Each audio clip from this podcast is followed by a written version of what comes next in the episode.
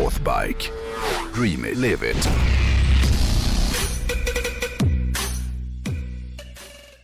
Den här veckan tänkte jag att jag skulle rada upp några moderna och halvmoderna hojar som jag är ganska säker på kommer öka i värde i framtiden.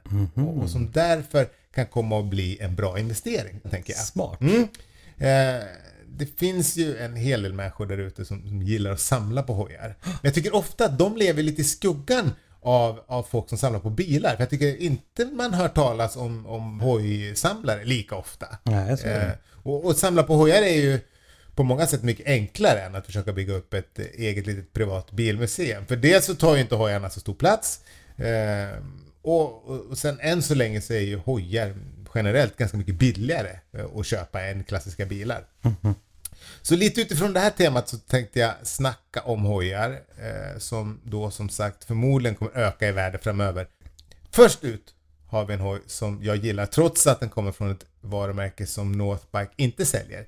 För jag tänkte börja med att snacka om Yamahas XTZ 600 Tenere. Ja, den gillar du. Ja, eh, det är ju en riktig klassiker som visades upp för världen första gången på Paris motorcykelshow redan, eh, redan 1982. Eh, Och att den visades upp i Paris kanske inte är så konstigt, för även om jag inte vanligtvis brukar ha speciellt mycket gott att säga om fransmän eh, och vad de brukar hitta på, så är det ju ändå några saker som de har lyckats riktigt, riktigt bra med. Och en av de sakerna är ju tävlingen Paris-Dakar. Ja, det är en av de få grejerna de har lyckats med.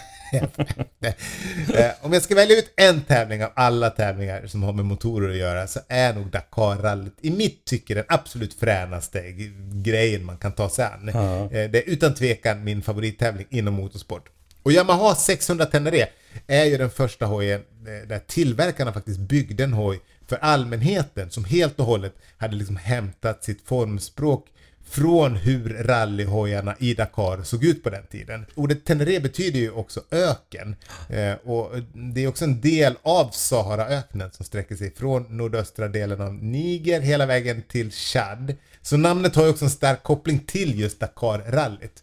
Många kanske skulle hävda att BMW, i och med deras R80 GS från 1980 var först med att bygga en hoj som, som skulle andas Dakar. Men jag tycker det är mer en hoj som är byggd för att vara praktisk, alltså en praktisk långdistanshoj än en ren rallyhoj då. Jag älskar ju Teneren i alla dess former. Fick du provköra Tartas hoj när ni var uppe i Norrland? Nej, den har jag provkört förut. Ja, men du, du körde den inte uppe i Norrland någonting?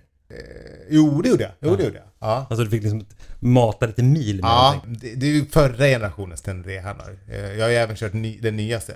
Tenere. Ja, den är ju magisk. Det är lite nyare eh, Teneres då. Men, men det är något med den här första som, som verkligen får mig att bli varm i bröstet. Om man vill investera i en tidig Tenere eh, då är det hojarna som är byggda mellan 84 och 88 som jag tror att man ska satsa på. Du vet de här som hade höga skärmar med ett lyse fram och så hade de de här typiska färgerna ljusblå med gult eller vitt med, eh, med rött. Ja, så jävla snyggt. Ja. Jag läste någon motorcykelartikel från USA där någon expert sa att de här hojarna skulle kunna komma att stiga i värde med så mycket som 150% över de kommande 10 åren. Oj, oj, oj. Ja, de spås bli väldigt eftertraktade. Ja, Och jag vet ju att det fortfarande står en hel del såna här hojar och samlar damm i lador och garage runt om i Sverige. Så ut och leta säger jag. Nästa hoj eh, kommer faktiskt också från ett märke som Northbike inte säljer. Men så får det bli idag, för att liksom vissa hojar eh, kan man inte låta bli att nämna om man ska snacka om framtida klassiker som, som kommer att stiga i värde. Och en sån hoj det är Suzukis GSX 1100 Katana. Men man kan också säga så här att Northback får ju in begagnade Ja, de har ju allt möjligt. Så att det kan mycket väl vara så de har de här. Man kan verkligen hitta en Katana från 81 eh, hos Northbike om man har lite tur. Ja. För det var nämligen 81 som den, den dök upp första gången. Och jag såg en, en, en, första gången jag såg en sån här hoj, då var jag väl 9-10 år kanske. För jag minns det här. Eh, och det är förmodligen därför som den har gjort så starkt intryck på mig också. Eh, och på en jävla massa andra män som är runt 50. Eh, och kvinnor kanske också. Eh, det är mest gubbar som samlar på motorcyklar och bilar känns det som. Det får vi väl ändå erkänna, Ja, eller hur? Mest i alla fall. Hur som helst då. Eh, det finns ju olika varianter på katanan. Eh, men 1100 är ju den främsta. Suzuki byggde ju andra versioner också som, som hette 1100 katana. Men det originalet som är den bästa investeringen tror jag. Och jag gissar att den här kanske kommer att öka ännu mer än Tenerén i värde de kommande åren. Eh, För det är ju en ikon på något sätt. Nästa hoj som jag tänkte snacka om kommer däremot från en leverantör som du hittar hos Northbike. Och den här hojen är i mitt tycke en av de snyggaste hojarna som byggts faktiskt. Jag gillar ju vanligtvis inte formspråket från 90-talet. Men när det kommer till Hondas CBR 900RR Fireblade från 92, då blir jag fan helt knockad. Och det beror förmodligen också på att den kom ju i när jag var i en perfekt ålder för den här typen av image. Ah. För 92 då var jag ju 20. Och en sån här hoj den representerade då allt som jag ville vara men omöjligt kunde vara. Jag hade ju varken hojkort eller pengar att köpa något liknande för. Eller hår på bröstet. Ja, ingenting. Exakt.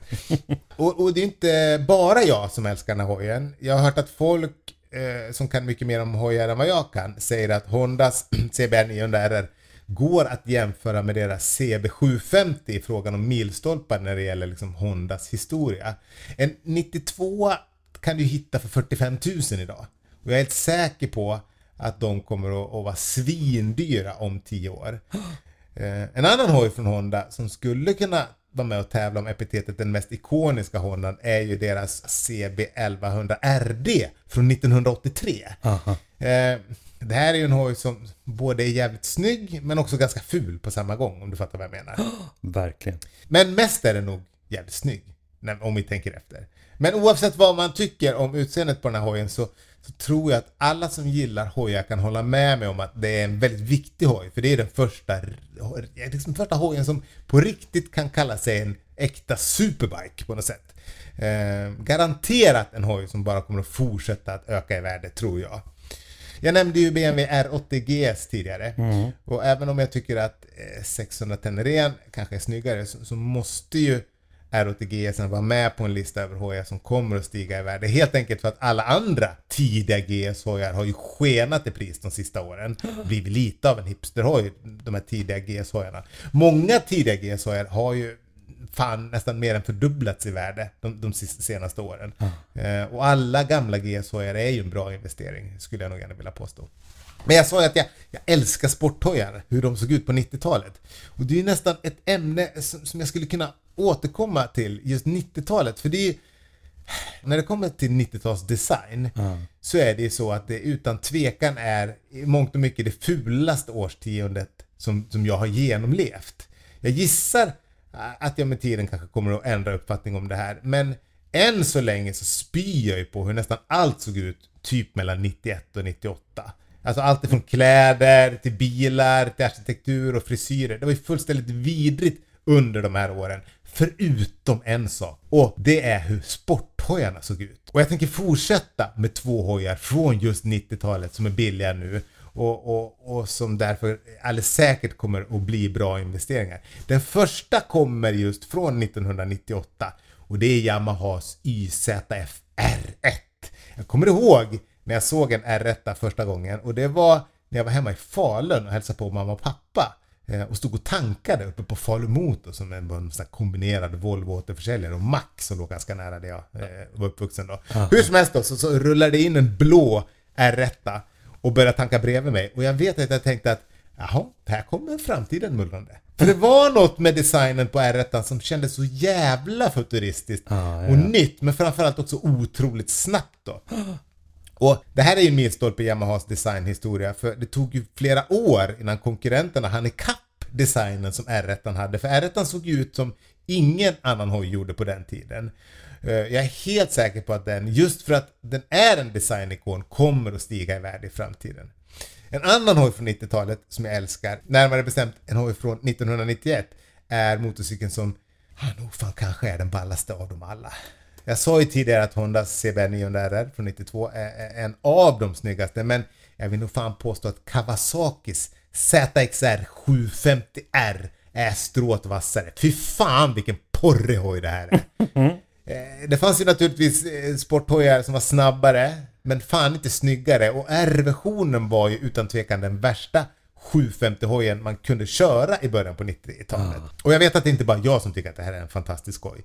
Jag skulle kunna tänka mig att det här är en hoj som Tom Brander, alltså VDn på eh, Northbike, skulle vilja ha.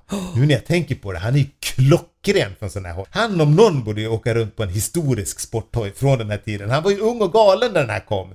Jag måste se åt honom att köpa en. Eller så köper vi en sån i present till honom. Ja, hoppas han inte lyssnar på podden då. Ja, eller men vi måste ju först komma på hur vi ska ha råd att göra. Ja, just det. Men de är inte så farligt dyra. Men det, är, mer, det, är mer, det är mer hur vi tänker. Ja. alltså, Ja. hur, hur vi resonerar kring Ja, så vi Northbike. hoppas att han hör det. Att, då hör han att vi är snälla, sen att vi inte gör slag i saken. Det är tanken som räknas. Hur som helst då. Eh, Jag tänkte avsluta med en hoj från mitt älskade Triumph. Och vi ska stanna kvar i 90-talet, för min sista hoj på listan över hojar som kanske inte kostar så mycket idag, men som jag tror kommer bli dyrare i framtiden är Triumph Speed Triple från 94. Jag vågar knappt säga det, men jag gillar ju inte direkt hur den här hojen ser ut. För jag, men jag älskar ju varumärket Triumph. Men just Speed Triple från 94 är kanske inte designmässigt ja, det är inget mästerverk i mitt tycke. Men eh, jag vet att många inte håller med mig.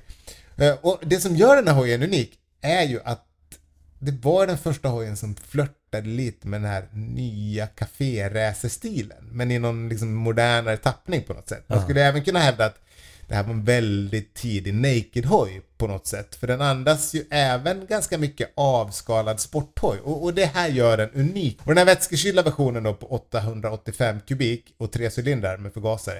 Eh, det är den som jag tror kommer öka mest i värde. För det är... Ja, det är originalet. Triumph släppte ju en senare version av den här hojen eh, som hade bränsleinsprutning. Men eh, det är den här första som jag tror kommer kunna... Man kommer kunna göra riktigt bra pengar på den i framtiden. Eh, och den här hojen tänker jag få avsluta dealen med hojen den här veckan.